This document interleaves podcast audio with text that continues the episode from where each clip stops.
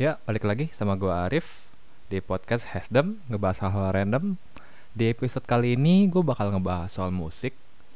So jangan ke mana-mana setelah yang satu ini.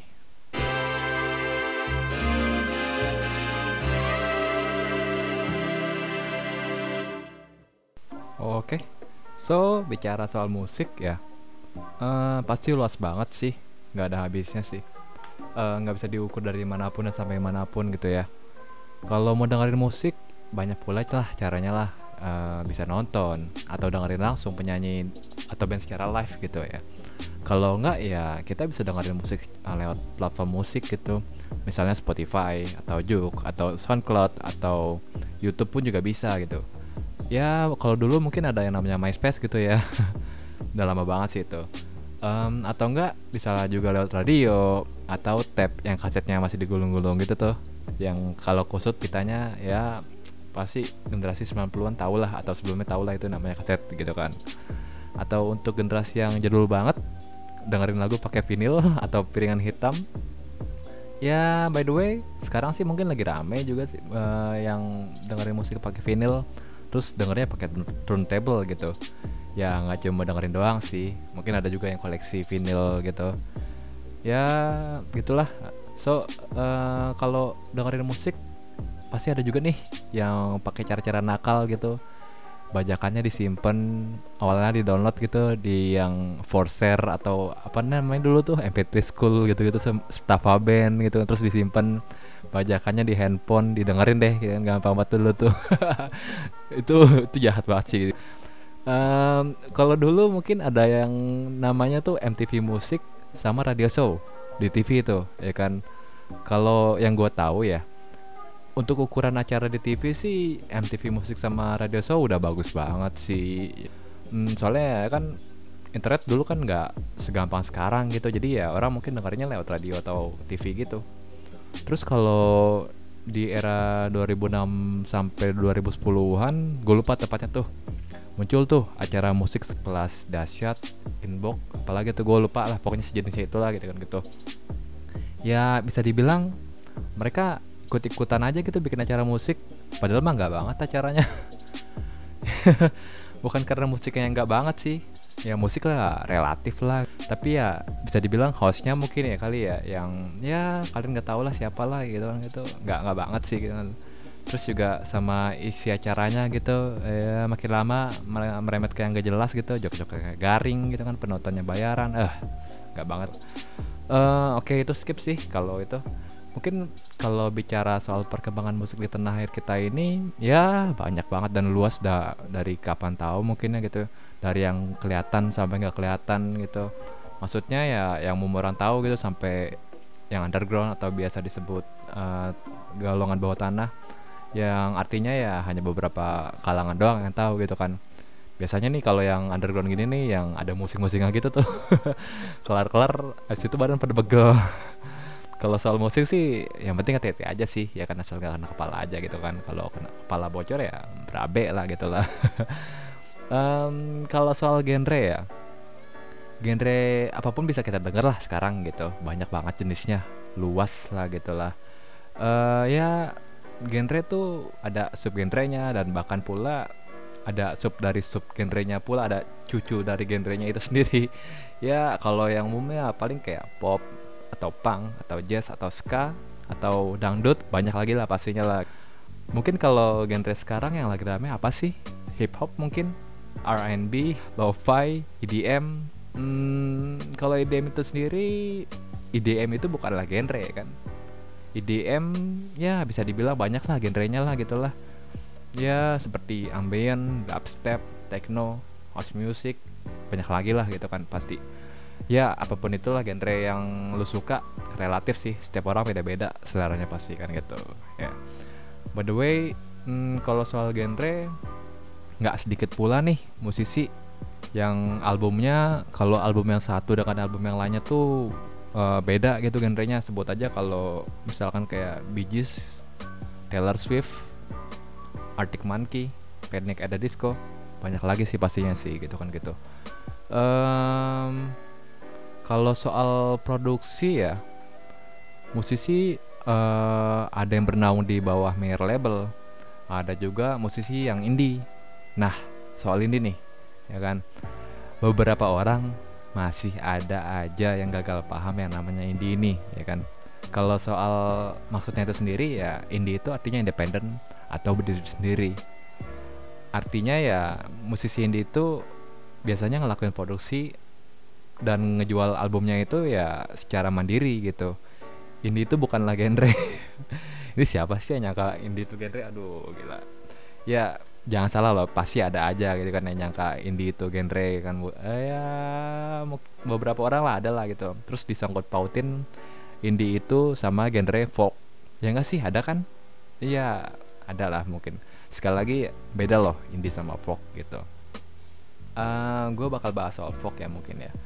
Kalau folk itu sendiri hmm, beberapa waktu belakangan nih banyak banget ragamnya dan sering kita dengerin pasti gitu kan. Uh, kita sebut saja ya macam Bandanera. Ya Bandanera bubar kalau nggak salah tahun uh, akhir 2016-an ya. Uh, ya mungkin lah gitu lah. Terus ada 420. Nah di 420 ini sering banget nih disangkut pautin sama kopi. Uh, lebih tepatnya film filosofi kopi gitu. Terus ada apa yang tuduh yang terakhir lagunya tuh sering banget pasti lu denger lah pasti nggak cuma di YouTube atau platform musik lu doang pasti ya sekitaran lu lah kayak anak kecil pun tau lah lagu ini terus juga kayak supir angkot mungkin gua nggak tahu gitu ya lu tau lah lagunya apa akad pasti itu ya ya nggak cuma itu juga itu doang sih kayak di wedding pun pasti lu sering banget nih denger lagu-lagu akad gitu kan na na na na na na na na na na na na na na na gitu gitu gue termasuk orang yang tahu poin teduh pas lagunya tidur lah gitu pas zaman gue kelas 1 SMK itu berapa tahun yang lalu ya? Delapan tujuh sembilan tahun yang lalu kali kira-kira ya kayak gitu. Uh, ya banyak banget lah musisi folk di tanah air ini gitu. Terus apa sih arti folk itu sendiri? Kalau musik folk itu sendiri bisa dibilang ya kalau gimana ya udah terlanjur dicap musiknya para penikmat senja gitu. Siapa sih para penikmat senja ini? yang bisa orang bilang itu bukan kopi senja, kopi senja, yang ada mah lo. ya enggak lah kan gitu kan. Sekali lagi ini beda tuh sama folk. Uh, buat yang kalian yang belum tahu nih, ya kan musik folk itu bukan musik para penikmat senja gitu ya gue ada kutip sih dari situs Vice di sini ngebahas soal definisi musik folk gitu gue cari tahu dulu gitu jadi ya jadi ada uh, mereka tuh ada beberapa sumber dan diwawancari gitu. Terus sumber yang juga musisi folk ini ngasih definisi soal folk itu sendiri. Um, gue akan membicarakan beberapa poin aja di sini ya gitu. Menurut Harlan Burr kalau buat kalian yang belum tahu siapa Harlan Burr ini atau dipanggil Bin ini uh, dia ini adalah mantan manajer dari band Efek Rumah Kaca dan juga mantan keyboardist dari The Upstairs. So dari penjelasannya dia, hmm, lagu folk itu umumnya dikenali sebagai musik rakyat. Oke, okay, ada nyanyiannya dimainkan dengan instrumen pengiring akustik. Umumnya alat musik petik akustik. Kenapa alat musik akustik? Sepanjang dekade 1960-an, dalam kondisi sosial politik tertentu di Amerika Serikat muncul dengan gelombang musik akustik. Mereka lebih ingin bertutur mengenai kondisi saat itu. Dan itu yang kemudian menjadi standar baru seperti alat musik yang dinamakan folk itu sendiri. Maksudnya, um, kalau soal rakyat itu berarti bisa dibilang komunitas tertentu gitu. Kalau gue lihat dari penjelasannya Harlan Burr ini, Berarti kalau folk itu sendiri diiringi dengan alat musik petik akustik, berarti blues juga bisa dibilang folk. Ya, bisa dibilang gitulah. Bahkan gak cuma alat musik petik seperti gitar aja, ya bisa dibilang folk itu instrumennya bisa dengan alat musik minimalis lah gitu, kira-kira.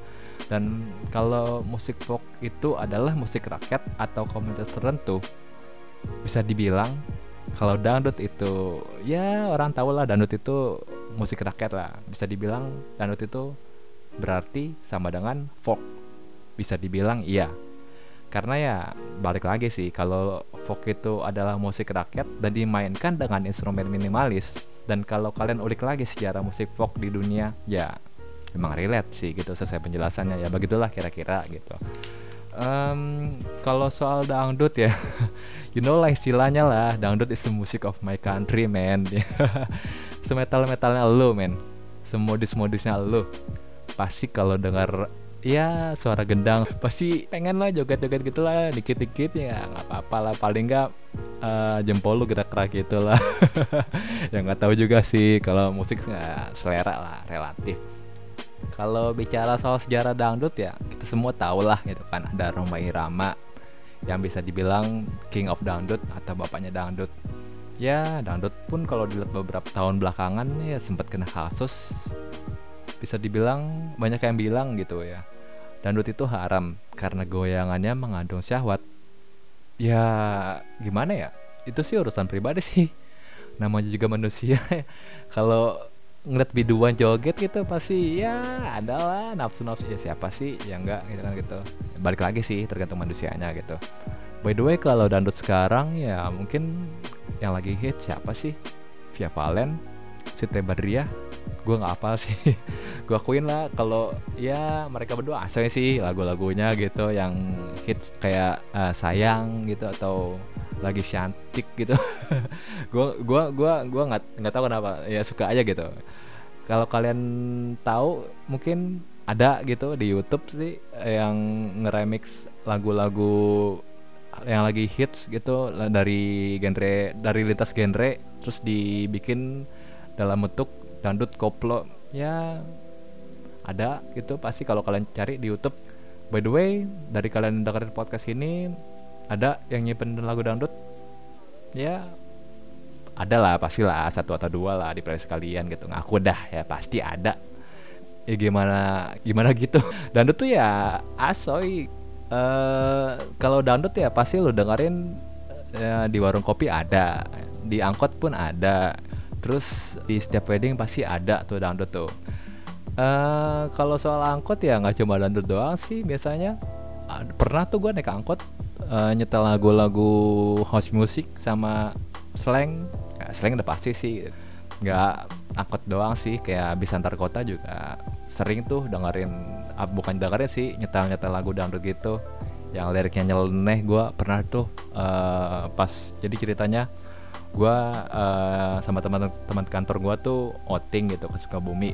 Terus pas perjalanan pulang tuh si abang-abang bisnya ini nyetel lagu dangdut yang kebetulan liriknya sama judulnya tuh nyeleneh. Yang gue inget kalau nggak salah tuh judulnya tiang listrik dan susu putih ya, gimana, ya gimana ya liriknya tuh aneh gitu. Tiang listrik kan dibawa-bawa segala terus dijadiin lagu susu putih lah. Ya nggak sedikit pula lah gitu lagu dangdut yang liriknya nyeleneh gitu yang berbau ranjang gitu. Ya nggak lazim gitulah.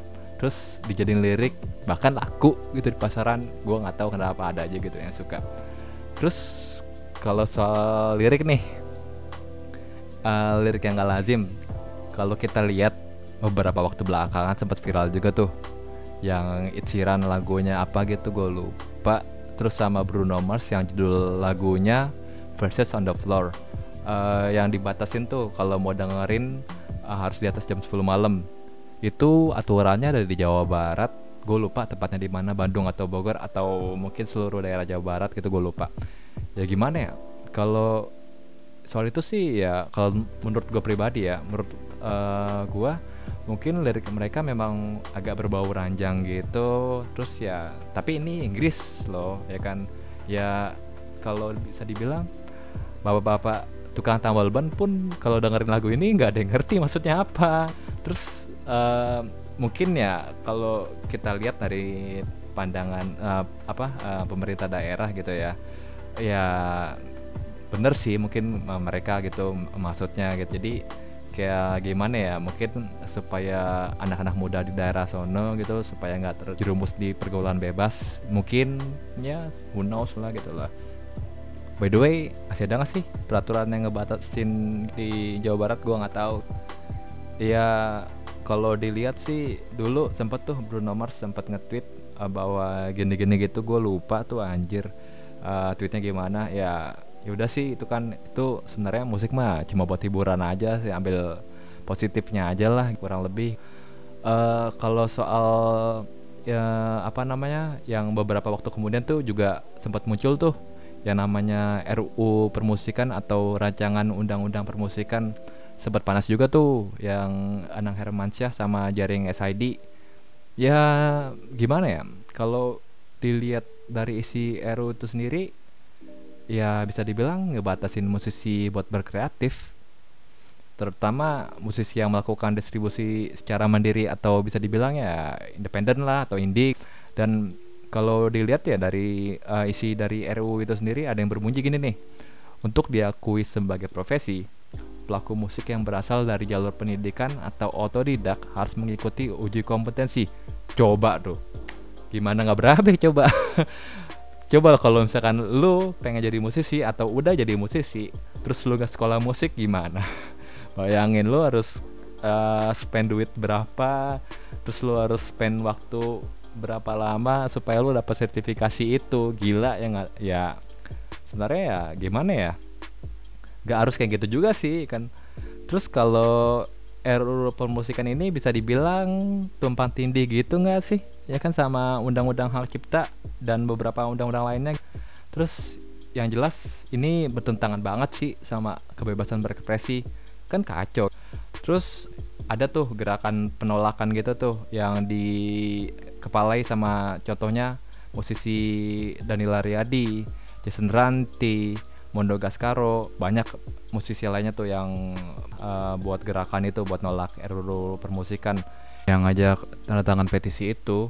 Untungnya sih per tanggal 17 Juni kemarin tepatnya jam 5 sore uh, eh, gue lihat tweetnya dari Danila bahwa dibilang RUU permusikan nih resmi ditarik DPR atau lebih tepatnya ditiadakan gitu. Itu aja kali ya yang gue bahas di episode kali ini. Kalau mungkin kalau ada yang pengen gue bahas di episode selanjutnya bisa DM langsung ke IG gue. Ada tercantum di deskripsi. So, sampai ketemu di episode selanjutnya. See you.